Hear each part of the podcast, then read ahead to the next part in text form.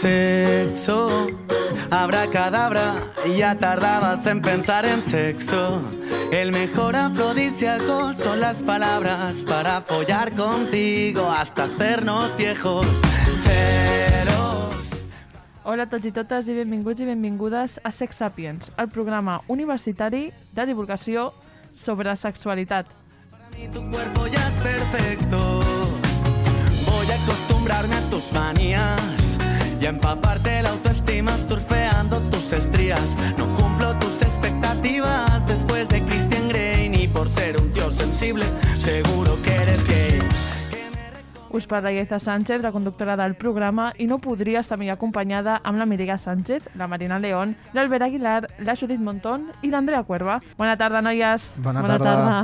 Avui no és una persona, hem recuperat a l'Albert Aguilar. Bona tarda, Albert. Bona tarda, Iaiza. Després de que la Covid doncs, arrasés una mica dins de Sex Sapiens, he de dir, què tal? Com ha anat el confinament, Albert? Bueno, ha anat bé, ha anat bé. Malauradament vaig agafar la Covid, sí, fa uns 10 dies, però bueno, ja puc dir que afortunadament sóc negatiu, Ole! Que ja ho he passat i que bueno, aquí estic amb vosaltres amb moltes ganes de tornar a fer Set Sapiens, que ja sabeu que m'agrada molt i molt. Ens vam quedar l'Andrea i jo fent una mica estirant el xicle 2.0, ara ja s'ha quedat així, el que vam fer. Sí. A veure, va estar bé, jo m'ho vaig passar superbé, I tant. però... L'estudi estava buit, estava buit, Exacte, faltava faltava xitxa. vida, faltava vida. Ara, bueno, hem recuperat l'Albert, encara ens queda la Mireia i la Marina León i la Judit, però ja vam dir que la Judit era per un altre tema, us recordo. A veure si a poc a poc anem estant aquí totes. Al programa d'avui, a part de recuperar l'Albert Aguilar, recuperem una mica aquest esperit de parlar de la sexualitat i tractarem el plaer. Per això la Mireia ens parlarà posa't al dia de l'anedònia, entesa com la falta de plaer sexual, amb la psicòloga i psicoterapeuta Marina Pinilla.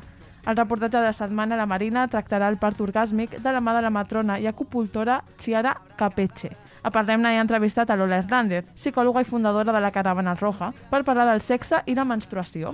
L'Albert a Vista Panoràmica ens parlarà de les joguines eròtiques, amb un joc bastant divertit. He de dir que ens posarà una mica a prova, Andrea. Ui, que guai! La Judit ens mostrarà què s'amaga darrere les escenes eròtiques de les pantalles i tancarem, com sempre, amb l'Andrea i les veus del carrer, que s'han atrevit a mullar-se amb els seus famosos mites. Ara sí, comencem.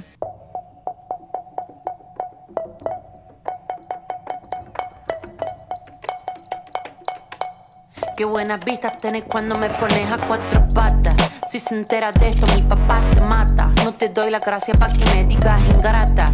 Mírame suave que soy frágil y tan dulce, una mina delicata. Este es mi método, gordo, agárrate. Mira mi truco, be careful, no te mate. Cocino tu co, truquito mate. Con mi, mm, yo genero debate. Ai, el plaer. Ja sabem quins canvis físics experimenta el cos quan el sentim. El clítoris o el penis augmenten de mida, la pell es posa de gallina, la respiració s'entretalla... Algunes variacions al nostre organisme són la pujada de la pressió sanguínia i del ritme cardíac, fet que els mugrons, llavis vaginals, s'omplen de sang i es tornen més sensibles o, per exemple, el penis s'endureix. I després arribem al clímax, l'orgasme. Sovint, abans de sentir tot això, ens envaeix el desig sexual, o també anomenat líbid, que es dona quan comencem les expectatives davant d'una trobada sexual, ja sigui acompanyades o soles. Semblen tot avantatges, oi? Doncs és freqüent ennuegar-se amb una emoció gens agradable, la culpabilitat. La psicoterapeuta Tere Díaz apunta a l'article Per què ens dona culpa el plaer que es produeix quan les accions que fem es posicionen en contra d'alguna norma imposada. Sentim remordiments i odi cap a nosaltres, malgrat que en el fons ens agradaria allò que fem. I aquesta culpa es manifesta amb dolor físic o mental. La culpa, com explica la psicoterapeuta, és una conseqüència, primer, de la societat patriarcal, que oprimeix i silencia els desitjos de la dona, també els carnals, i segon, de l'enjalçament al dolor que fa la cultura occidental. Evidentment, tant els homes com les dones poden sentir culpa, però és més freqüent en dones. La recomanació de la Tere Díaz per alliberar-nos és analitzar d'on ve, experimentar, exposar-la i crear escales de valors sexuals. Per això, per conèixer el plaer, avui ens hi endinsem amb una perspectiva crítica i de gènere, com sempre.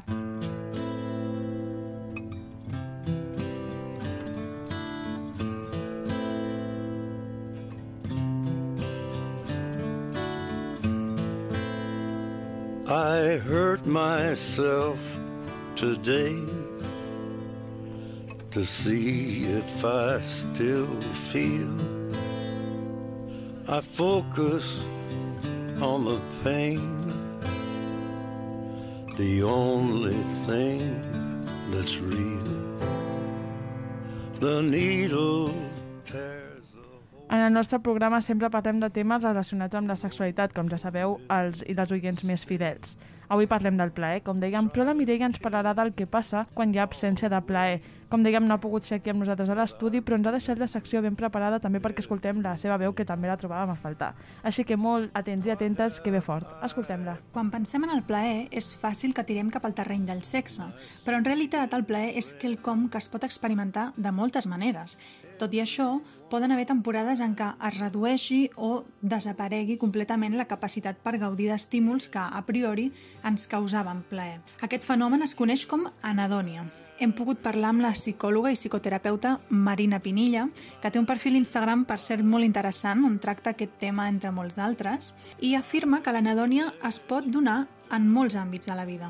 Estímulos placenteros puede ser el simple hecho de disfrutar con los amigos, de sentir motivación hacia los estudios o hacia la vida laboral, de disfrutar con la familia, de dar un paseo y sentirse reconfortado, de que te hagan un regalo y que te sientas agradecido y que realmente te guste. Es un abanico muy amplio y muy complejo que depende de la persona. La psicòloga assegura que aquesta incapacitat de sentir plaer s'expressa de manera diferent depenent de cada persona. La sensación de anedonia varía mucho de una persona a otra. Depende mucho de los estímulos que antes sí generaban placer. Pero es muy habitual que esa persona se sienta con una frustración muy grande y una sensación de no comprender lo que le está ocurriendo. Algo que durante toda su vida le había gustado, le había generado placer, le había reconfortado, ahora ya no. Es muy frustrante y puede derivar en problemas más complejos como una tristeza crónica o incluso trastornos depresivos y ansiedad generalizada. El manual Diferents tipus d'anadònia i les seves associacions amb diferents psicopatologies confirma que fins al 70% de les persones amb depressió experimenten anadònia. Això no vol dir que tothom que experimenti anadònia estigui patint una depressió ni que, de cop, deixem de sentir plaer completament en tots els àmbits de la vida, perquè això, l'anadònia, és quelcom gradual i continu. Per això és important prestar atenció als primers símptomes. Marina Pinilla. Es decir, que una vez que aparece no es que perdamos por completo la capacidad de experimentar placer, sino que se ve reducida en diferentes ámbitos. Por ejemplo, hay personas que pierden la motivación hacia los estudios cuando sí que les gustaba, o también en el terreno de la pareja, incluido también la sexualidad. Puede ocurrir también en el contexto familiar o en el propio contexto de los autocuidados. Sin embargo, que no sea algo generalizado no es que sea menos importante y nos puede llevar a pensar que no es para tanto, pero en todos los casos la anedonia es una señal de alarma que nos indica que algo no va bien y que debemos pedir ayuda. La anadònia no es considera un trastorn, sinó un símptoma. La psicòloga ho explica amb un exemple que ens queda ben a prop a totes nosaltres i ja que la vam experimentar fa uns mesos, és a dir, el confinament la pandèmia. Es fundamental recordar que la anedonia es un síntoma o un problema psicológico que todos podemos padecer en algún momento de nuestra vida y por eso no lo consideramos un trastorno, porque implicaría patologizar una reacción que en ciertas ci- circunstancias es normal. Por ejemplo, durante el confinamiento nos vimos aislados y muchas personas experimentamos esa frustración, esa dificultad para estar a gusto, para disfrutar de lo que antes sí nos hacía disfrutar. Si se considerase la anedonia como un trastorno, en aquel momento, bueno, la vasta mayoría de la población habría sido diagnosticada. Les xifres de l'Institut Nacional d'Estadística sobre els casos de depressió mostren que la salut mental ha empitjorat amb la pandèmia. Alguns dels indicadors són sensació d'estar decaigut o deprimit o el poc interès o l'alegria per fer les coses. Aquests indicadors s'apropen molt al que seria l'anadònia. Per això la psicòloga assegura que és molt important que demanem ajuda si ens sentim identificats amb aquests indicadors. Una persona que siente que está perdiendo la capacidad de experimentar placer, lo primero que debe hacer es plantearse si tiene las herramientas para afrontar esa anedonia. En muchos casos sí que tenemos ciertos recursos para gestionar por nosotros mismos la, propia anedonia, pero hay ocasiones en las que no. Es ahí cuando debemos buscar redes de apoyo mutuo o construirlas en caso de que no las tengamos. Por ejemplo, en el contexto de la amistad, con compañeros del trabajo, con compañeros de la universidad, con nuestra familia, con nuestra pareja, siempre que sean personas que sabemos que no nos van a juzgar a la hora de tener esta conversación tan delicada. Pero sin duda lo fundamental es el pedir ayuda profesional. Debemos contar con un psicólogo que nos ayude a entender qué es lo que nos está pasando y que nos proporcione técnicas individualizadas para afrontarlo. I és que, tot i que l'anedònia no sigui un trastorn, sinó un símptoma, la psicòloga creu que és precisament quan apareixen aquests primers símptomes quan hem de buscar l'ajuda. Cuando la anedonia sí que se vuelve más incapacitante, afecta más áreas de nuestra vida y es difícil de manejar, es cuando ya podríamos hablar a lo mejor de un cuadro clínico, siendo lo más habitual un trastorno depresivo o un trastorno de ansiedad generalizada. Y aquí es donde entra la gran pregunta. Si la anedonia no es un trastorno, ¿requiere atención psicológica? Pues la respuesta es que sí. Pese a no ser algo tan complejo como un trastorno, a lo mejor tan grave como se pueda considerar, no debemos minimizarla, no debemos subestimar su presencia y tenemos que prestarle por igual atención i pedir ayuda. És molt important que ens parem a pensar si estem gaudint i experimentant plaer amb tot el que fem cada dia, des del sexe fins a una quedada amb amics. Per això, si en algun moment identifiquem o identifiqueu vosaltres, oients, que esteu deixant d'experimentar plaer en algun àmbit de la vostra vida, per petit que pugui semblar, tal com ha dit la psicòloga Marina Pinilla, hem de donar-li la importància que mereix. No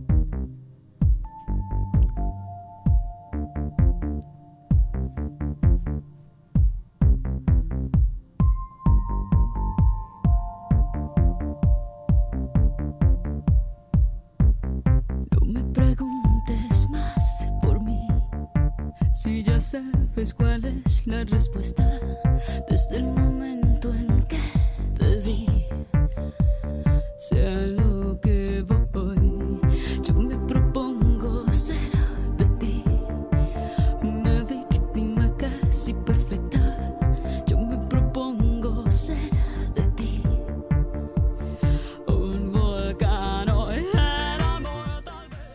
Després de repassar doncs, l'anadònia de la mà de l'Amèrica Sánchez, passem a tractar un fenomen ben curiós com són els parts orgàsmics. Aquest ens el porta la Marina León, però, com dèiem, no ha pogut ser a l'estudi, així que ens ha deixat el reportatge ben gravat.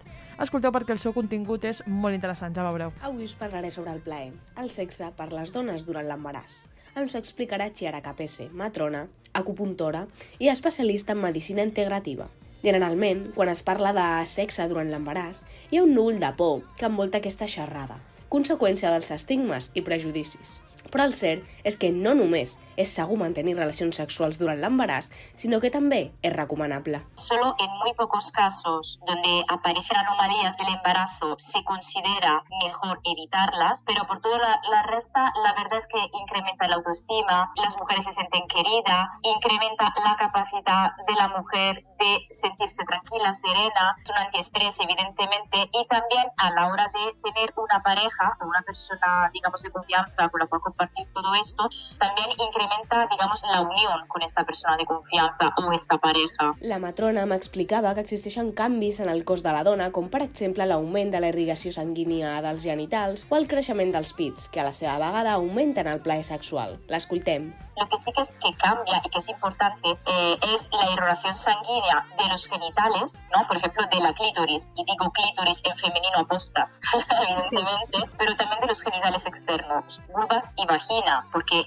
tienen más irroración, hay más, más vasodilatación y entonces hay más recepción al placer. Por otro lado, también los pechos, los pezones son más sensibles, se vuelven más grandes, más erigidos y también incrementan el placer. Això sí, els canvis també juguen un paper fonamental a l'hora de sentir o no plaer. Capese. La solicitación puede ser más placentera, por lo que te acabo de comentar, sobre todo a partir del segundo trimestre, que es cuando, digamos, desaparecen un poco las molestias típicas del primero. No es que en el primer trimestre no haya deseo, sino que a lo mejor hay la aparición de circunstancias mmm, molestas, por ejemplo, náuseas, vómitos, el cansancio, el sueño, ¿no? Por lo tanto, se da más prioridad al bienestar de la mujer en ese sentido, que sea psicofísico. En el segundo trimestre, normalmente desaparece esta sintomatología y la, la mujer se centra más en el propio placer. La sexualitat en l'embaràs de vegades es veu amb certa por. Existeix, com bé comentava abans la matrona, una creença que al nadó li passi quelcom.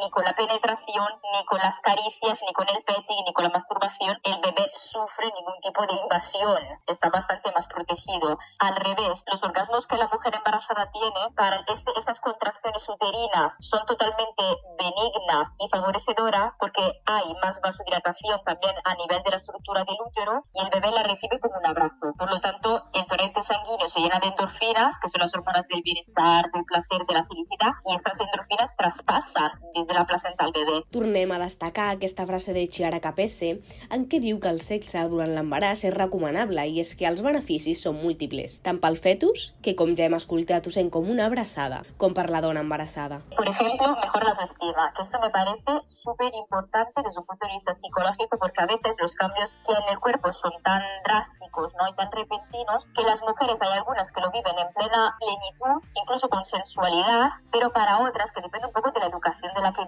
venimos, de la relación de pareja, si es que la tenemos, que tenemos, se, las mujeres se masturban o no, todo esto es un factor predisponente a que haya esta autoestima. Por lo tanto, me parece como importante subrayarlo, el mejorar la autoestima en el embarazo, la sexualidad tiene un papel guapo e importante. Por otro lado, lo que te contaba de que hay un acercamiento más, digamos, hacia la, la pareja que tenemos al lado, si es que la tenemos, y el tema de fomentar también la masturbación mejora y alivia algunas situaciones que pueden darse por sí y que pueden ser vividas como estresantes. Una dada que em va semblar molt curiosa és l'augment de la lubricació dels teixits de la vagina que produeix, a la seva vegada, un augment del pH d'aquesta. Com a conseqüència, el pH es torna més àcid i es converteix en una barrera de protecció cap a llenç externs que puguin provocar infeccions, per exemple. Segurament, i com que escolteu freqüentment Sex Sapiens, en cap moment heu pensat que el plaer i el sexe del qual estem parlant aquí i avui és coitocèntric i falocèntric. Tot i això, mai està malament recordar-ho.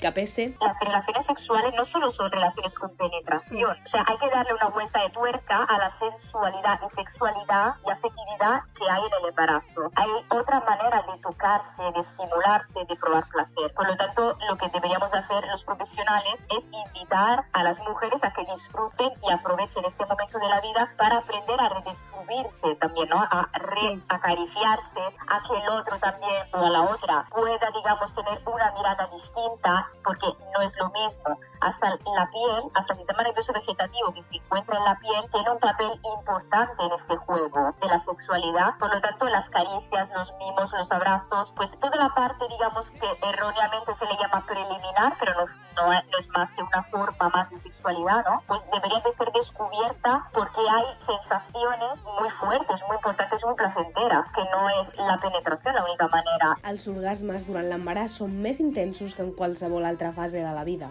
Diu la matrona, inclús després de l'embaràs. Segons Capese, moltes mares expliquen que tenen relacions més satisfactòries que abans d'estar embarassada. Però per què? Doncs perquè coneixen el seu cos millor. La matrona insistia en que un part normal influeix moltíssim en com la dona es percep a si mateixa, per la qual cosa és molt important tenir cura de com parim, en definitiva, de la salut sexual de la dona.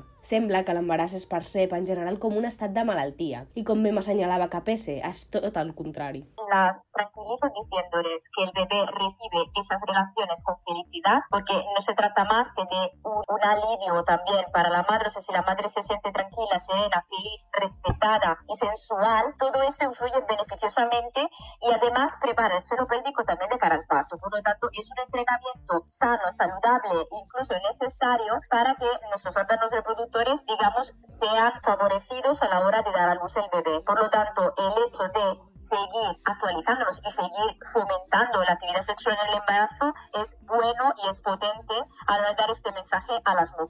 Somos sensuales y embarazadas como nunca. Estamos en plena plenitud. El embarazo es un estado de salud, no es un estado de enfermedad. Por lo tanto, hay que cambiar esta mirada de que la mujer embarazada es una mujer enferma que no puede practicar deporte, que no puede tener relaciones, que no se puede cansar, que no se puede estresar. Es un estado for- de fortaleza. O sea, estás tú alimentando y sustentando a dos personas, a dos corazones. Y no hay ningún estado de tanta plenitud, tanta salud, al igual que el embarazo. Por lo tanto, que se disfrute también, ¿no? I vosaltres què en penseu? Havíeu pensat mai en la forma en què concebeu l'embaràs? Si és en forma de malaltia o en forma de, de salut màxima? Recuperant una mica aquesta pregunta de la Marina León, bueno, jo el primer li passaré la pilota a l'Andrea, perquè ja s'ha tor- s'ha tornat a meva mà dreta, jo crec. Ja, és que un, un programa unit, de contacte i ja està. Sí. Digue'm, Andrea, tu coneixies aquest, aquest fenomen? Jo he de dir que sí. El cone... O sigui, n'havia escoltat parlar, no, no coneixia tan profundament el tema, perquè és que la Marina ens ha donat una quantitat de dades, però sí que la- n'havia escoltat parlar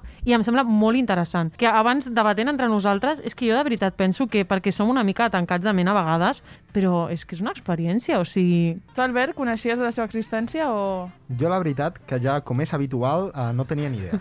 Existeix i m'ha semblat molt interessant, la veritat. Sí. És que és genial perquè l'Albert és com un lienzo en blanco. O sigui, tu... No, ell... O sigui, les seves reaccions són literalment les primeres Sí, reaccions són- i això és superric. És un bebè sí, descobrint es el una forma de verlo. O sea, un, un lienzo blanco un poco inculto. No, no, no. En Aquí aquest tots programa- aprenem. Exacte, en aquest programa no existeix aquesta paraula. És, és com un bebè ve- veient les seves primeres reaccions. Saps el típic vídeo d'un bebè menjant una llimona? Bàsicament, sí. Vídeos que, per cert, evidentment m'encanta.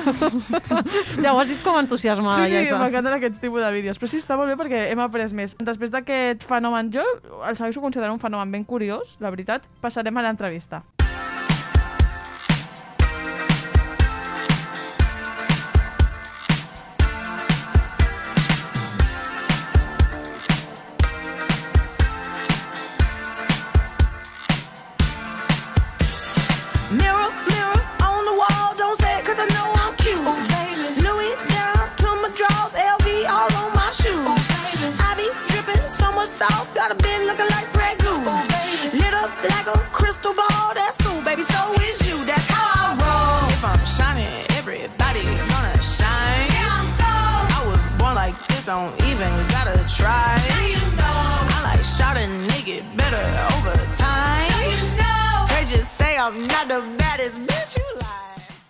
A Parlem-ne entrevistarem avui a la Lola Hernández, psicòloga i fundadora de la Caravana Roja, un moviment de cultura menstrual. Hem xerrat sobre el sexe i la menstruació, un dels tabús més grans que envolta tant a la regla com al sexe, i quin paper té en aquest joc el plaer. Escoltem l'entrevista. A la menstruación pues le mueven muchos tabúes y muchos estigmas, sobre todo porque es un tema del que no se habla demasiado, pero hay uno en concreto que es bastante extendido, que es del que venimos a hablar hoy, que es de mantener relaciones sexuales con la regla. Con la primera pregunta quiero sacar de dudas a las oyentes para saber si es seguro mantener relaciones sexuales con el periodo menstrual. Sí, aquí podemos hablar de diferentes planos. Yo como psicóloga también y, bueno, creadora de la Caravana Roja trabajo desde diferentes planos para abordar la menstruación. Y en relación a esta pregunta podremos hablar del plano físico, del cuerpo, del emocional, del mental y de también el energético. En relación a si es seguro mantener relaciones sexuales con la menstruación, sí lo es, igual que en otras fases. Esto parte mucho del deseo y de la apetencia también de cada una. Y vamos a hablar también de qué es seguridad. En relación a, por ejemplo, en el plano físico, si yo mantengo relaciones sexuales con penetración con un hombre sin protección, aquí hablar de seguridad es que es posible que me pudiera quedar embarazada. Esto es importante hablarlo porque suele haber esta confusión. Luego en relación al plano mental y emocional, es importante también ver aquí qué es la seguridad, porque yo me puedo sentir segura teniendo relaciones, estoy pensando en si estoy manchando, en si a la persona con la que estoy compartiendo no está molesta o incómoda, si yo estoy en lo mío y en mi placer, entonces esto sí es seguridad emocional para mí. Pero si estoy más en el otro que en mí misma, puede ser que entonces me lleve a la inseguridad, entonces yo ya no disfruto. Y esto tiene un asunto, ¿no? Que es la carga del tabú menstrual. Luego en el plano energético sí que podemos hablar también de que durante la fase menstrual es un momento de mucha purificación energética y de liberación de todo lo que hemos ido viviendo a lo largo del ciclo. Durante la fase menstrual todo esto se está liberando. Si tenemos relaciones con otra persona, podemos entrar en el círculo de yo me estoy liberando pero la persona lo recibe. Porque en un encuentro sexual hay un intercambio energético muy fuerte cuando hablamos del plano energético, yo sí que hay una recomendación ahí a las mujeres que es conociendo esta realidad o conociendo cómo funciona, que se planteen si realmente quieren tener relaciones sexuales, porque el intercambio energético se va a dar. O sea, si yo me estoy liberando de mis emociones, de mis cargas, en este momento de mi vida, de mi ciclo, a través de la menstruación y tengo relaciones sexuales, esta liberación me va a volver es un círculo que se repite y esto se desconoce mucho. Es decir, que primero tendríamos que saber si queremos hacerlo y despojarnos un poco de los tabús, porque evidentemente habrá cosas que serán inevitables. El sexo es más maloliente o hay algunas otras cosas que nos hacen sentir incómodas, pero más allá de despojarnos de todo tipo de prejuicios, por decirlo de alguna forma, para el cuerpo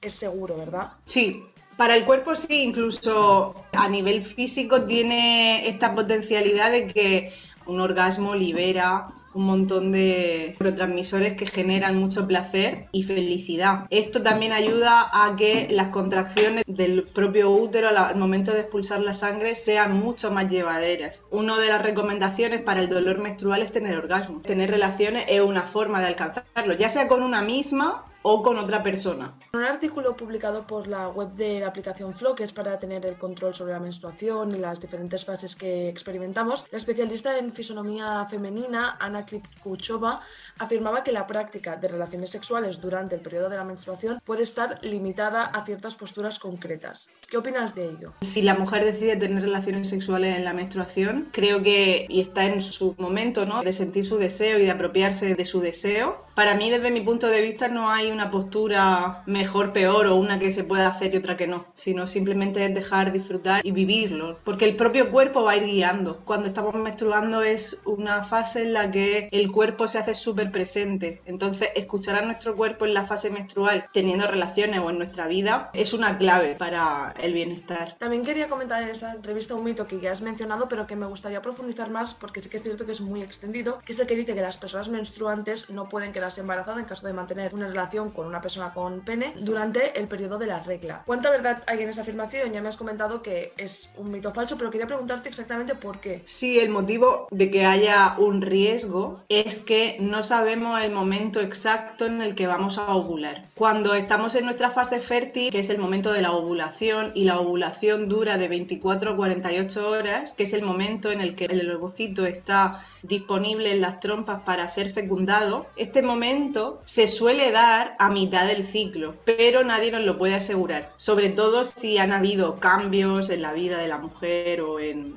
una mudanza, una ruptura o efectos del contexto o a veces hormonales que hacen que la ovulación se adelante. El esperma dura vivo en el cuerpo de 3 a 5 días. Si en estos de 3 a 5 días yo he tenido relaciones sexuales y ha habido esperma en mi cuerpo y mi ovulación se ha adelantado por alguna razón, puede haber una fecundación. Por eso existe, sí que es verdad que hay menos riesgo que en otras fases, pero no podemos asegurar que en la fase menstrual una mujer no se pueda quedar embarazada. La única fase no fértil del ciclo, si se identifica bien, es la fase premenstrual. También me gustaría comentar que quizás pues algunas personas menstruantes que nos puedan estar escuchando pues no han tenido nunca relaciones sexuales con la regla y por lo que sea se animan. No sé si tienes algún consejo para empezar a practicar. En ese sentido, el consejo que daría sería que estén muy pendientes de su cuerpo, de su apetencia, de lo que realmente le apetece, porque durante la fase menstrual la sexualidad se vive de manera diferente a otras fases. O sea, la sexualidad también es cíclica. Esto es muy interesante, darse cuenta de cómo se vive la sexualidad en cada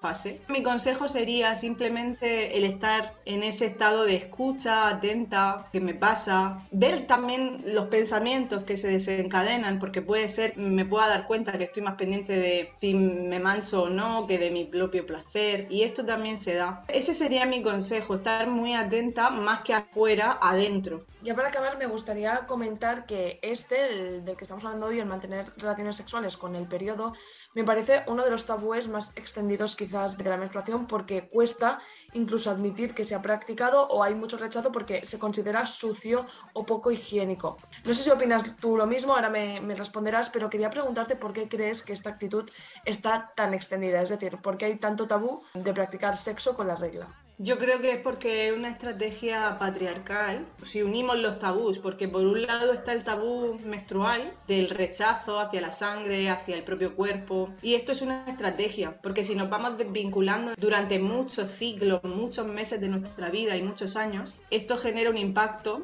en nuestra seguridad hacia nosotras mismas, hacia cómo yo me siento conmigo. Esto va a tener un impacto en mí, por lo tanto, quizá voy a ser mucho más fácil de someter y de manejar. El tabú menstrual es todo un engranaje que se mueve para que nos vayamos desvinculando de nuestro propio poder personal. Esto unido al tabú de la sexualidad, porque el tabú de la sexualidad es otra estrategia. O sea, la energía sexual es la energía creativa, es la energía de vida desde muchas corrientes súper antiguas, se ha utilizado la energía sexual y la sexualidad de manera sagrada para el propio empoderamiento, no solo de la persona, sino también de la comunidad. El contemplar la sexualidad como fuente de creatividad, no solo de placer físico, sino también incluso espiritual, esto tiene un poder increíble. Si todas las personas empezamos a contemplar que somos creadoras de, de energía sexual, energía de vida y que en un intercambio sexual esto se potencia, porque no es una descarga, es una recarga, entonces desde mi punto de vista el paradigma cambia. Genial, pues esta ha sido toda la entrevista. Muchísimas gracias por estar aquí con nosotros para hablar de este tema. Y la verdad es que para mí ha sido un placer poder compartir pues, este rato. Muchas gracias también a vosotras. Es oro, oro de body. Es oro de body.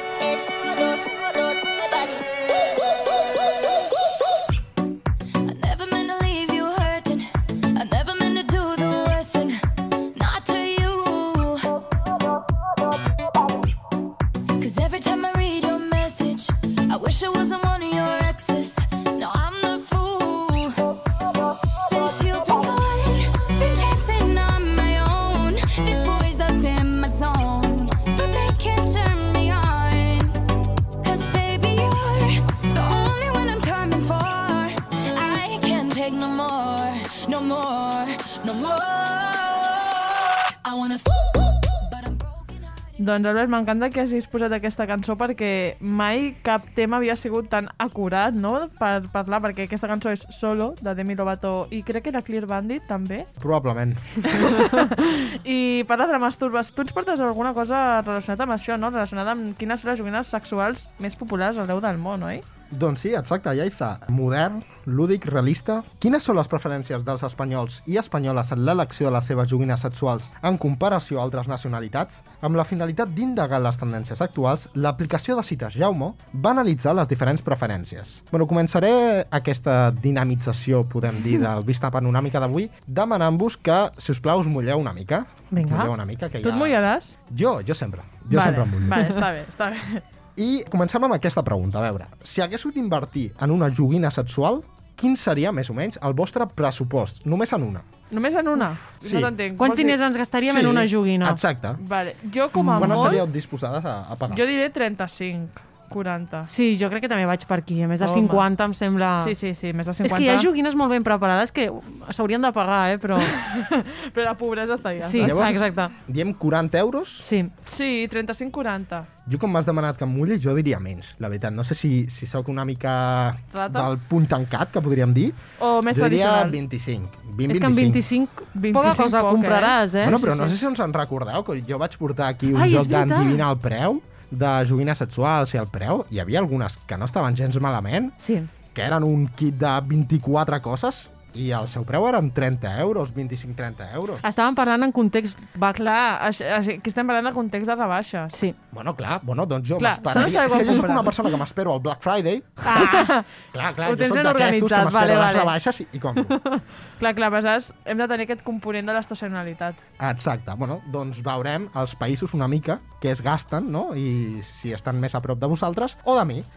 Quan es tracta de divertir-se en el llit, especialment són les italianes que es freguen una mica la butxaca. De mitjana es gasten, atenció, 50 euros per una joguina sexual. Molt a prop estan les franceses amb una mitjana de 42 euros per joguina, seguits de les alemanyes, on de mitjana una joguina pot costar al voltant de 29. Els més econòmics són les mexicanes, on s'inverteixen 16 euros per una sola joguina sexual. També les alemanyes, amb 17 euros, la sagrada, la gran diversió per pocs diners. Tu ets més alemany, eh? I Jo sí. O mexicà. Sí, sí, jo seria un mexicà o alemany. Jo, el tema de les italianes que es gasten 50 euros em sembla una mica... És car. És molt car. Bueno, ja pot ser bona, des del meu punt de vista. Bastant plaer. És que pots trobar coses amb el pressupost que has donat tu i que estiguin igual de bé que, que una de 50, em refereixo. No fa falta. Són Són bastants molts euros. diners. Home, clar, són molts sobretot diners. si vols, inter... eh, vols tenir més d'una joguina. Clar, no. Et roben a casa i s'emporten les joguines, Claro, saps? no, no, no. I tenim una doble pèrdua. Per tant, Però- 50 euros us sembla massa, a vosaltres també? Sí, Sí, sí, sí. però Tot i que vosaltres heu dit, perdona, Iaiza, que pagaríeu 40, eh? Que no és està, el que t'anava a dir. O no sigui, està tan lluny, eh? Jo 42 dic, ok. 42 dic, ok. Però a veure, són 8 euros que per mi es noten, eh? 8 euros. Es noten i tant. Per això et dic que jo 40 sí que pagaria. 50, no. 42 és el típic que dius, vinga, va, un esforç. Sí. Però 50, too much. De tota manera, estic segur que, bueno, si una joguina val 50 euros, en moltes ocasions és perquè realment ho val. Jo Home, només faltaria. no parlo d'això, no, no és no vull menysprear les joguines de 50 euros, només dic que en aquest cas jo sóc una mica... Bueno, que miro, puño, miro la meva butxaca, m'agrada mirar la meva butxaca i com tampoc els estudiants tenim un sou gaire, gaire pronunciat, doncs no els gastaria. Però bueno, l'anàlisi mostra que les preferències de les nacions examinades respecte a la grandària dels dildos i vibradors varien significativament. A les espanyoles, alemanyes i australianes els agrada tenir alguna cosa més gran a les seves mans. Les Que espanyoles fi t'ha compren- quedat, eh? T'ha quedat fi. Premi davant l'elegància, eh? Les espanyoles compren les joguines sexuals més llargues, ja que de mitjana fan 18,8 centímetres. Les alemanyes també ho prefereixen llarg perquè la joguina de mitjana té també uns 18,5 centímetres de llarg. Per contra, les canadenques les agrada de mitjana les joguines de 12,5 centímetres. A mi m'agradaria preguntar-vos, no exactament els centímetres, però sí per vosaltres, aquest mite que podríem dir o això que tant s'ha escoltat, si el tamany és una cosa important en aquest La mida. Rotundament no. No, jo diria que no. És O que, sigui, clar, a veure, estem No és parlant- el mateix joguina sexual que tenir una trobada sexual. Exactament, exactament. Això és important, eh? Anem a localitzar... Clar, perquè vull dir, una trobada se- sexual tens més inputs Exacte, que amb sí, sí, una sí. joguina. Totalment. Dit, dit això. Però... Però, hi ha joguines de literalment 5 centímetres que Sí, fan sí. virgueries i no passa res, eh? que fan mila milagros. Sí. Eh, a veure, ta- importa no... Dins d'uns marges, jo Exacte. crec. No. I depèn de la funció que tingui, perquè Sí. si és un vibrador, per exemple, en plan, per exemple, un estimulador de clítoris és diferent que si és un per literalment penetrar. Clar. Aleshores, clar, jo diria que no dins d'uns límits raonables. Jo penso Clar, més o menys com vosaltres, i, I posats a comprar, tenint en compte que és una compra, saps? Tenint en compte que t'has gastat una 42 compra. euros, no? Sí, vull dir, i perquè surti bé, jo sí que és veritat que me'l compraria potser més gran del que vull, perquè saps, tens més marge de pues, no Sí. te'l fiques sencer o, o tal. Però Si Exacte. te'l compres petit, te'l compres petit. Però de dir 18 centímetres, Dentro d'uns nivells. és que ens hem passat. Sí, sí, sí, sí, Ens sí. hem passat, Llavors, eh? entre un gran i un Molt petit, eh? triaríeu el gran. Sí, Eh, jo sí. Parlant de joguines sexuals. Jo Depèn de, 100%. el que deia la Iaiza, depèn del que busquis, Sí. però sí, si estem buscant un, el típic per penetrar, anem a dir... Sí. Sí.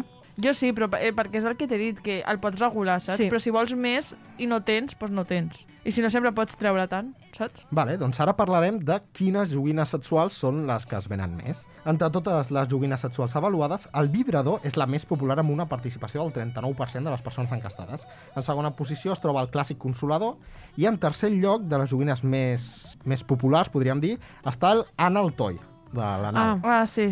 També en termes d'aparença, existeixen grans diferències i preferències clares. El més comú, amb el 57% de les joguines sexuals que es col·loquen al carro de la compra, és que siguin modernes o realistes. I en canvi la minoria decideix per aquelles variants més lúdiques. Podríem dir, doncs, una, una mena de joc, amb daus, o no sé si vosaltres coneixeu aquest, aquesta mena de diferència o aquesta classificació Jo no- que he esmentat. Si us però- havíeu plantejat que la gent pot comprar més joguines més realistes o que Ah. s'assemblin més a una forma original, podríem dir. Però és que això sí que no li trobo el sentit. Jo no, zero. O sigui, jo de fet prefereixo que no s'assemblin. Total, però perquè bàsicament les que Ah, doncs després clar. estan fetes que s'assemblen a la realitat, o sigui, és com algo bastant ridícul. Vull sí, dir, és a que mi no té em- cap em dona sentit. cringe. Sí. Em dona com repelús. Sí, totalment, no, no sé. jo prefereixo que sigui pues, una forma, en plan, òbviament la forma és la que és, de cop no Sí. serà quadrat, però mm, a mi això que s'assemblen, que sembla de veritat, penso un segon. A mi no m'agrada, però és que No. per gustos colors. Sí, sí, i tant. Per tant, vosaltres no li doneu importància al realisme, podríem dir, Zero. de, de les joguines. No, perquè per molt que tinguis una joguina que sigui molt realista, segueix sent una joguina. O sigui, mentalment no, no et canvia la visió ni de cop... Bueno, com a mínim a mi personalment, eh?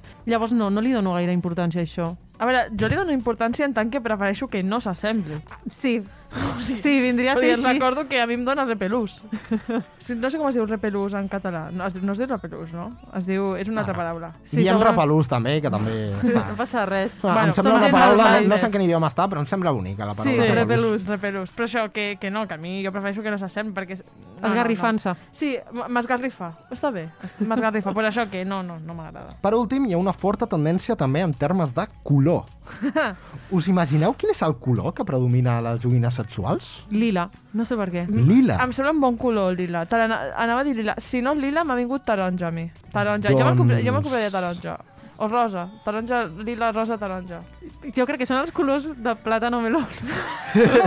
I hem tirat per aquí, crec, I, eh? que, I són també els meus colors preferits, saps? Mm, jo soc de rosa, aquí rojo. està. Però bueno, sí, me'l compraria de- d'aquests colors. Hem acertat o què?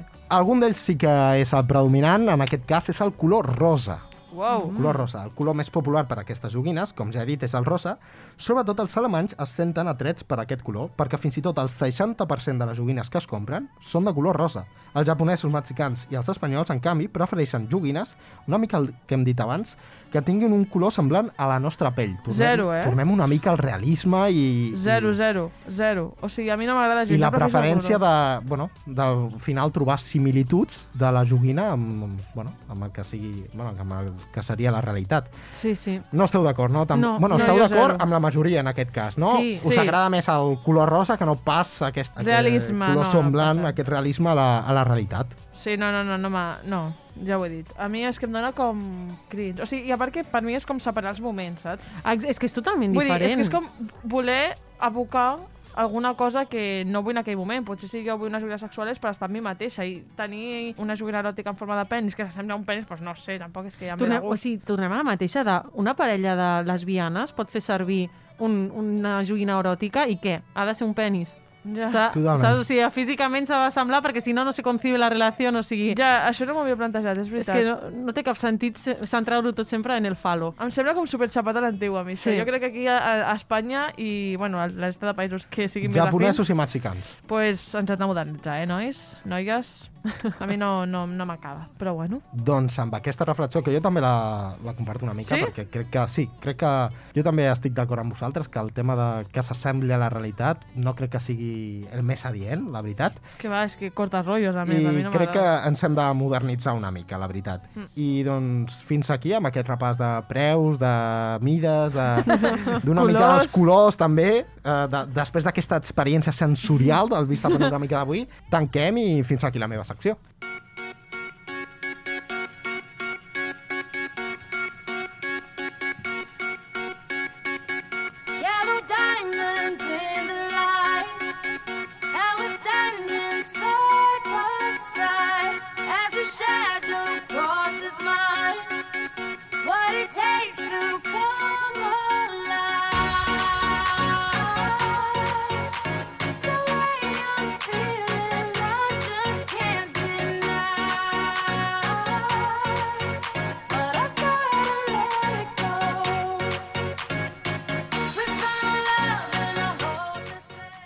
Sempre, amb la Judit repassarem l'actualitat dins del món audiovisual. Com dèiem, això sí, la Judit no podrà estar aquí amb nosaltres, però us recordo que és una situació que es repetirà una mica en el temps, perquè és per motius laborals, no per motius de la Covid-19, per sort, que almenys sabem que ella de salut està bé. Aleshores, ella ens ha portat una mica qui s'amaga darrere d'aquestes escenes eròtiques així picants, que hi ha a vegades a les sèries i a les pel·lícules, i si realment els actors gaudeixen o no. Ja veureu que és un tema doncs, que bueno, té molta xitxa. Ara l'escoltem a ella. Bona tarda, noies. Avui torno a ser fora de l'estudi, però us porto el plaer real en actors i actrius.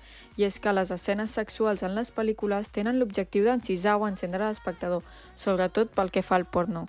Avui, però, ens volem centrar en el plaer real dels actors i les actrius en els rodatges de pel·lícules més comercials. Algunes celebritats expliquen les seves experiències en aquests rodatges.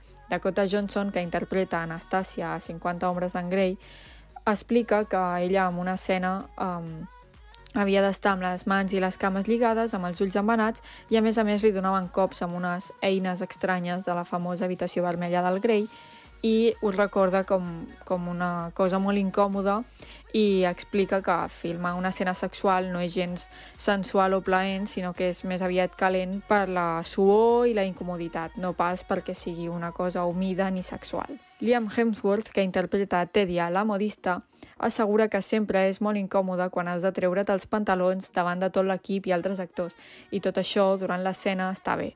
No has d'estar incòmode mentre estan rodant. El que sí que diu que quan el director diu mm, aquí tallem, doncs llavors, clar, està allà de peu al voltant de tota aquella gent i tu um, amb roba interior doncs és bastant estrany o incòmode. Tot i això, deixant de banda aquesta incomoditat que pot suposar pels actors i les actrius estar despullat amb poca roba, um, fent una interpretació d'un moment molt íntim, eh, envoltat de tanta gent, amb un estudi o amb un, amb un set de, de gravació, sí que és veritat que hi ha molts actors i actrius que asseguren que no tenen cap problema, que estan super eh, acostumats i que forma part de la seva feina, i el que sí que és cert que a les escenes de sexe que nosaltres considerem explícit quan veiem una pel·lícula, ells, eh, els actors i, el, i les actrius, en la gran majoria dels rodatges no estan mantenint aquestes relacions eh, reals, sinó que es posen a bandes de làtex o d'alguna o d'alguna espècie de tela per deixar el despullat, doncs, per exemple, el cul perquè sembla que no portin res però sí que estan tapats. Mai, bueno, mai o en molt poques ocasions s'ha donat una relació um, íntegra o directa, digue-li com vulguis, uh, en aquestes pel·lícules. Molt diferent al porno, recordem-ho. Tot i això, les escenes de sexe que nosaltres, com he dit, considerem explícit, sovint no són les úniques que mantenen l'espectador enganxat a la pantalla. Les mirades, els gestos i la complicitat entre els actors i actrius és fonamental. De fet, és molt habitual que dos actors i actrius acabin mantenint una relació sexoafectiva real si han d'interpretar-ne una. Com a curiositat us diré que el director de les pel·lícules de Spider-Man que protagonitza Tom Holland li va demanar expressament que no sortís amb la Zendaya, cosa que tots sabem que no s'ha acabat complint. Tom Holland, però, no és l'únic Spider-Man que s'ha embolicat a la vida real amb la seva parella de la ficció. Ja ho va fer Andrew Garfield amb Emma Stone, jo podria enumerar-ne alguns més, però segur que la Yaiza coneix moltes més parelles que han portat la seva relació més enllà de la gran pantalla. Però què en penseu realment dels rodatges d'escenes sexuals? A vosaltres us resulta incòmode veure aquestes escenes? Doncs recuperant una mica la pregunta de la Judit, bueno, ens ha fet dos, us he de Sí. dir. Eh, primer, què penseu vosaltres de les escenes eròtiques del cine? Us agraden, incomoden? A mi, bueno, m'agraden com altres escenes, la veritat, Exacte. a mi cap problema. De fet, no sé si és una cosa habitual o no, ara l'explicaré, però bueno, a casa meva de, des de fa uns anys, bueno, veiem les... O sigui, jo sé que hi ha cases que, pel, pel que sigui, bueno, és un tema tabú, podríem dir, les, les escenes eròtiques de les pel·lícules i això, però a casa sempre ho hem tractat amb normalitat i si hi ha una escena eròtica, doncs, doncs l'escena eròtica, cap problema, és una escena més de la pel·lícula i si està ben feta, a mi m'agrada, sí, sí. Això està superbé, perquè jo sóc un exemple d'aquestes cases on és tabú. Jo que- otro. És que jo crec que només l'ha fet... O sigui... Ja no m'havia és trobat possible mai, que no. eh? No, però eh, és que si hem d'obrir aquest meló, mm, tu saps, en plan, saps el meme de sí. sale escena eròtica, vaya, qué bonito piso. Sí, sí, Saps? és que literalment. jo. O sigui, fas qualsevol cosa con tal no, no mira la pantalla. Clar, i t'he de dir que escenes eròtiques, rotllo, super TP, en plan más 12, eh? Vull Sí. dir, no, no t'estic parlant aquí de Instinto 50 sobres de Grey, no, no, no. no, no. Sí, sí, a mi, a veure, si hem de parlar de si m'incomoda o no veure-ho amb famílies, la resposta és sí. A mi també m'incomoda A bastant. dia d'avui, eh? A dia d'avui també, sí. Jo crec que totes tres eh, estem d'acord que, bueno, si, si veiem aquestes escenes soles no ens incomoda, no? Gent, zero. I és el que Clar. tu deies. Sobretot, com a persona romàntica i abanderada de l'amor, una bona escena eròtica feta bé, doncs, ostres, li dona molta, mm, com molta salseo, molt de cosa a una parella. A mi Ja m'agrada. I Sobretot si ho xipejo. escenes com molt o sigui, molt intenses de fer, de dir, Sí. joder, se l'han currat, o sigui, està... Mm. Sabeu això que s'han tret ara del el coordinador d'intimitat, crec que es diu? O... Ah, no. O sigui, són com persones que estan ara mateix, o sigui, quan hi ha una escena de sexe, es redueix l'equip totalment, o sigui, hi ha les persones imprescindibles perquè es pugui gravar aquesta escena, i Millor. a més a més hi ha un coordinador d'intimitat, és que ara no sé ben bé el nom, però és una persona que s'encarrega de supervisar que no hi hagi cap tipus d'abús durant tota l'escena. Millor. I està superbé, sí, perquè Sí, són nombroses això, les actrius que han sortit dient pues, que han patit escenes incòmodes o... De fet, la Judit ens, ens n'ha posat algun exemple de persones que... Home, és que ha de ser incòmode, eh, rodar-ho. Jo ho trobo molt delicat, de veritat. Sí, crec que és una escena dura. Has de tenir molta compenetració amb el teu company o amb la teva companya perquè tot sigui com consensuat i que sigui bé, ha d'haver molta comunicació, però és que t'ho imagina't després tenir com, ah, tres, bueno, tres. Clar, 30 persones així sí. la càmera. Exactament. Home, sisplau. O Exactament. sigui, I durant mi- molts anys s'ha fet fatal, això. Sí, és que... un O sigui... No sé, a mi, no, a mi això m'incomoda, però com a espectadora... Com a espectadora he de dir que sí. Sí, també us he de dir que a mi m'agraden les escenes, bueno, m'agraden, les que estan ben fetes i que s'assembla sexe real, eh? Perquè jo, per exemple, així per dir-te un exemple de sexe TP, quan a la pel·lícula de senyor i senyora Smith comencen a mantenir relacions sexuals que trenquen la casa... Ai, sí. A veure, vull dir, un segon. Clar, està, està fet a posta. Clar, però m'agrada més les escenes que es nota un realisme. Per exemple, mm. Elite, que jo no sóc gens fan d'Elite, ho puc dir aquí, però sí que és veritat que la nova temporada, per exemple, es veia com una persona es posava un preservatiu. Sí, eh, tens raó, tens raó. Coses així, t'he de dir que jo aquesta informació no la tenia perquè no l'he vist, me la va donar el senyor Albert Aguilar. I jo no me'n recordava d'aquesta dada, així que espectacular. Sí, pues, m'ho vas dir perquè la veies i em vas dir, pues, m'ha agradat això, portar-nos a l'educació sexual a, a la nostra vida quotidiana. I vam parlar d'aquest tema, me'n recordo. És veritat, no me'n recordava d'aquesta escena i és totalment real. Bueno, bueno està molt sí, bé. si no em va mentir, sí. No, jo l'he vi- jo l'he vist, jo l'he vist i és 100% veritat. veritat. I que no m'hagi equivocat, eh? això Si que- no, demano perdó a l'audiència. No, però això, que a mi també m'agrada que es mostrés més de realisme, no, a vegades. Al final és la gràcia de veure ficció, sentir-te com, vale, això pot passar a la vida real, Clar. o sigui, verosimilitud, Sí. veure això i que t'ho creguis. I després, bueno, no sé si tu, Albert, vols afegir alguna cosa més a això? O... Sí, també a vegades, a vegades el que hem parlat molt, en molts programes del perill no? de crear escenes de sexe que potser no són reals i són una cosa com més inventada, podríem dir, o exagerada, que això no, no està Sí. bé, perquè al final et creen sense voler una imatge que no és real del que és el sexe i la sexualitat, per tant, ja no només que no ens agradi, sinó que a vegades també comporta riscos, aquestes, Sí. escenes, Mm. aquestes escenes. Com per el tant, porno. Exacte. Bàsicament. I jo recollint també la segona pregunta que ens ha fet la Judit, he de dir que no només m'encanta la seva pregunta, sinó que em coneix molt bé, perquè, evidentment, conec moltes parelles. Aquesta pregunta te l'ha fet a tu. L'amor del qual... Sí. És que l'Albert i jo no per mi. pintem res aquí jo, ara sé que mateix. jo diré una, però per Jo també diré un- però bueno. Sí, totalment, jo Un igual. triple. Vale, jo anava a dir la meva preferida perquè són persones a les que estimo moltíssim i que m'encanten juntes, que són Ryan Reynolds i Blake Lively, que es van conèixer el 2010-2011, si la memòria no em falla, gravant eh, Llanterna Verda, Llanterna Verde. I, bueno, és que és una... En sèrio, els estimo molt per Twitter, és que em fan una gràcia, em semblen preciosos, és la meva parella preferida, però conec més, però tampoc és qüestió de No, no, fer una quina llista. més? Vinga, Clar, alguna- alguna no em més, deixis clar, així, no diguis vale. només una. Vale, mira, Jennifer Aniston i Brad Pitt es van conèixer a Friends. Van començar a sortir per allà. Després, eh, Brad Pitt i Angelina Jolie es van conèixer a Senyor i Senyora Smith. Qui Però més? aquestes dues relacions es van mig Sí, solapar. sí, sí, sí, sí, això O sigui... hem de fer aquí perquè jo crec que estava amb Jennifer Aniston quan estava rodant. Jo també ho penso, Smith. jo també ho penso. I allí Bueno, surgió l'amor. Clar, d'ahir els memes de la Jennifer Aniston quan van trencar, la parella Sí. que feien. Sincerament, a mi la que em semblen reines són elles. Ella em dona molt Totalment, eh, exactament. Elles em semblen dos reines, empatitzo més amb Jennifer Aniston perquè l'he vist en més produccions que m'han agradat. Jo, Angelina Jolie no és una persona que a mi... D'esto, però em cau superbé i crec que és superbona actriu. O sigui, jo, la veritat, les corones a elles.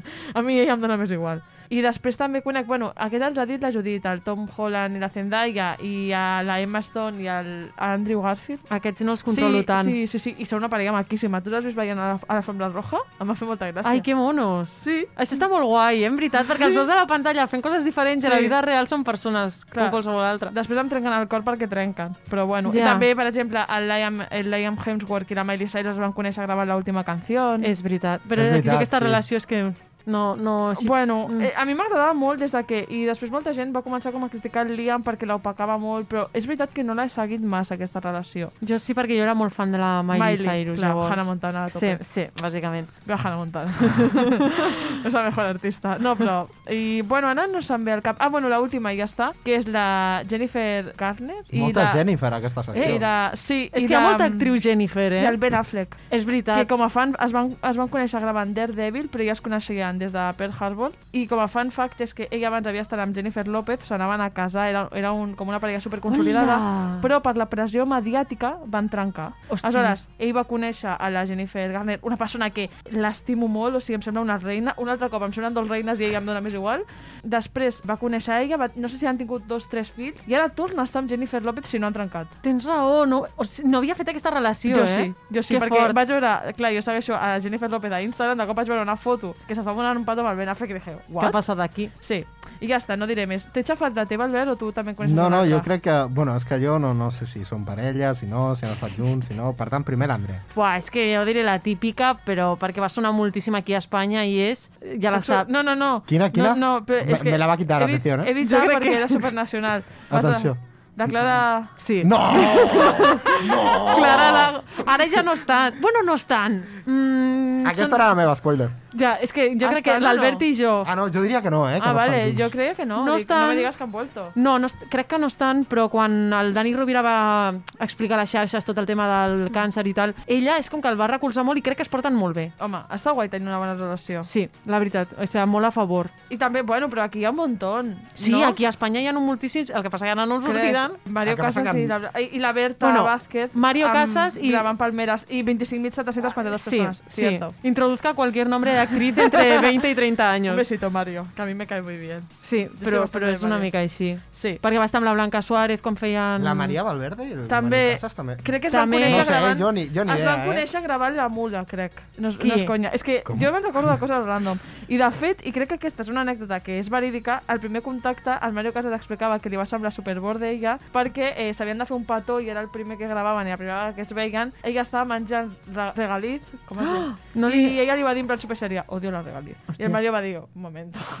o algo així explicava. Tu diràs que per què tens aquesta informació al teu cervell? No lo sé. Ah, Però perquè agrupes moltíssima informació, ja hizo, sí. No lo sé, jo crec que he nascut per estudiar per a elles. Si fos una carrera, matrícula d'honor. Matrícula, O totalment. sigui, el cotigueo i l'amor són les meves dos gasolines. Però és veritat, jo crec que aquí a Espanya los xipeos se'ls emporta tots el Mario Casas. o sigui, és que poca cosa més ja, eh? Bueno, i també, per exemple, eh, la Maria Pedraza i el Jaime Lorente, quan estaven junts, Ah, estaven gravant Élite, es van conèixer així? crec que sí. Sí. Ja no estan junts, Élite eh, diria. i La Casa de Papel. Ja no, ja no. Ara, Ara ja no, ella eh? està amb Àlex González, que també em parece molt majo. ja, eh? I ella està amb una Ell persona... no el sé. Ella acaba de tenir una filla, crec, fa molt poquet. Sí. Ella? Ah, ell, ell, ell, el Jaime Lorente. Sí o què? Totalment. I està amb una de les No te creo. sé, càmeres o maquilladores o algo de vestuari de la Casa de Papel. O sigui, Ai, que bonito. molt maco perquè s'ha quedat amb algú de, de dins, de, Sí. detrás de càmeres. Pues m'alegro que siguin els dos feliços. jo també, la veritat. Amb aquest missatge de desitjament de felicitat, de la felicitat acabem la secció i acabem amb ja el programa quasi, que se'n passa volant, amb l'Andrea Cuerva i les veus del carrer.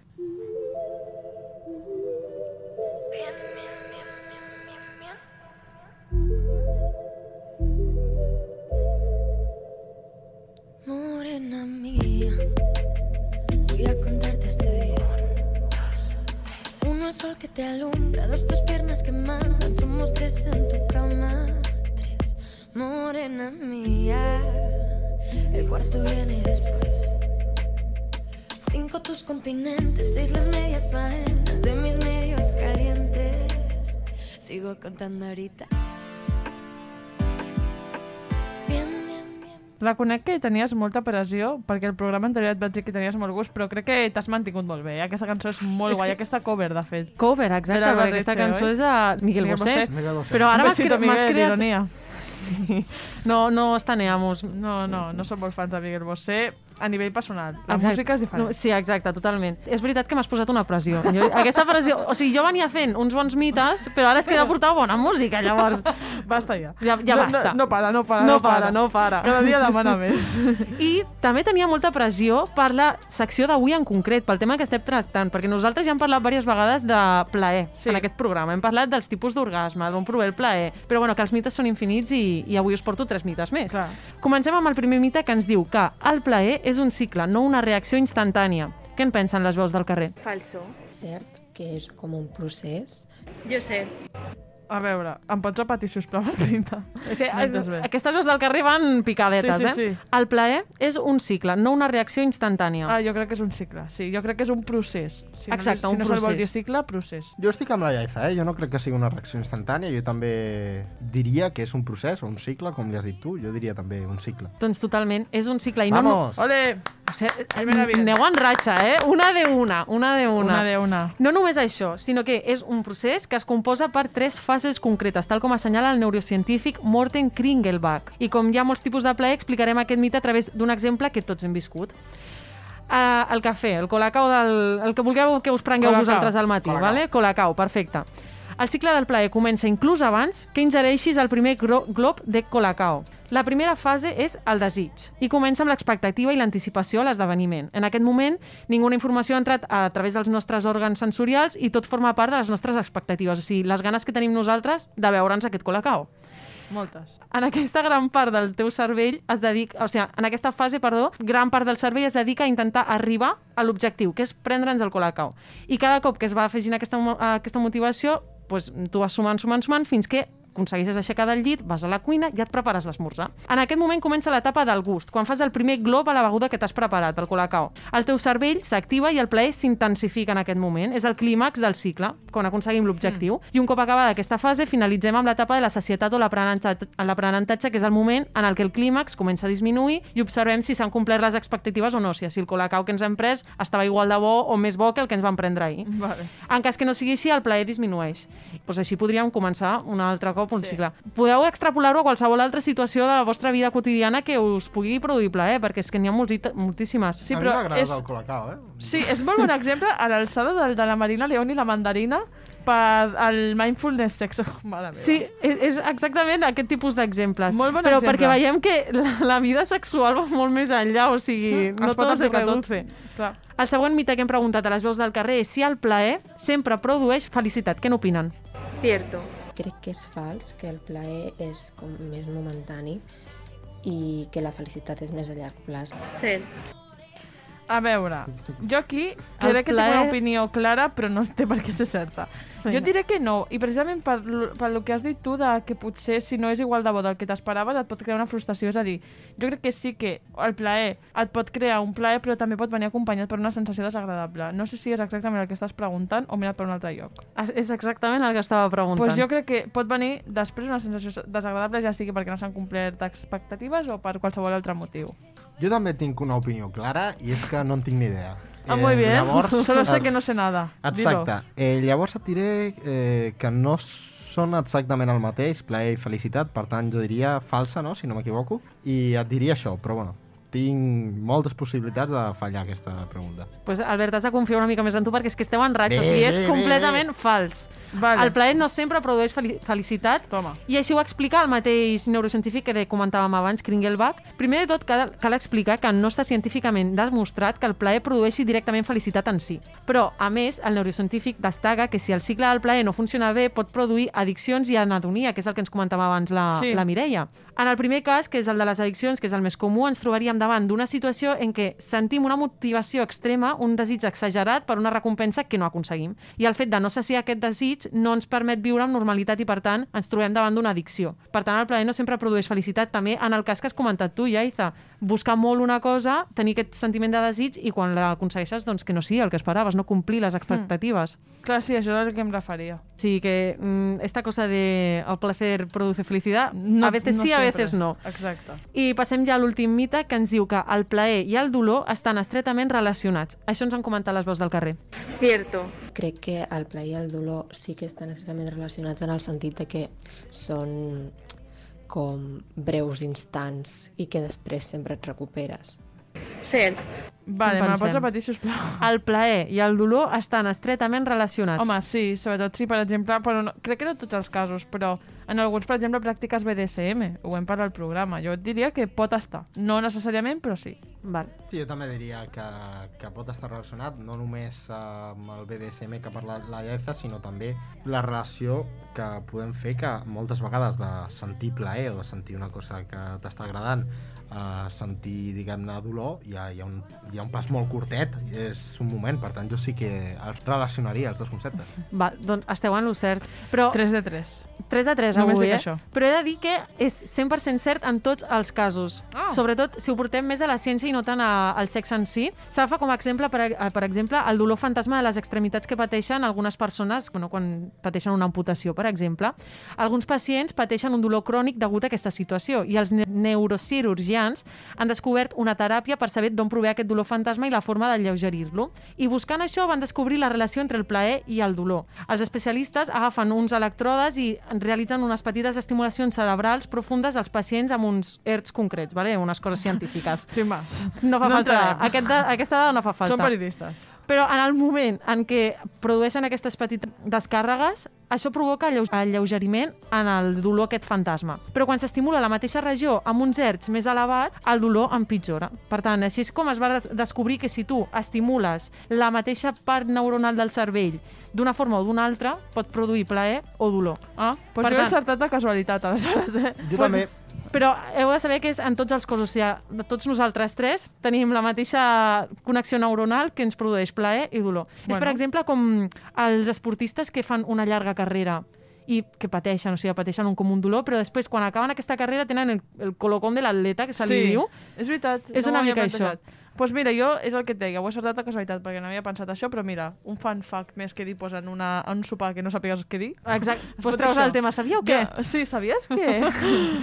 doncs bé, doncs amb aquest mite tanquem el programa d'avui que hem dedicat al plaer. Jo volia aprofitar també per donar, bueno, per, evidentment, manar moltíssims petons a la Marina León i a la Mireia Sánchez i a la Judit, que les trobem molt a falta aquí a l'estudi. I també saludar les nostres companyes, que la setmana passada no ho vaig fer perquè és veritat que ens vam passar una mica de temps estipulat Sí. i no m'ha donat temps, a la Paula Tolosa i a l'Anna Biosca i a la nova incorporació a producció, la Lucía Noal. Així que res, un petó per totes i moltes gràcies com sempre per la feina i, i a vosaltres, els oients i les oients, us mano doncs, molt petons i que acabeu de passar una bona nit. Ens veiem la setmana que ve.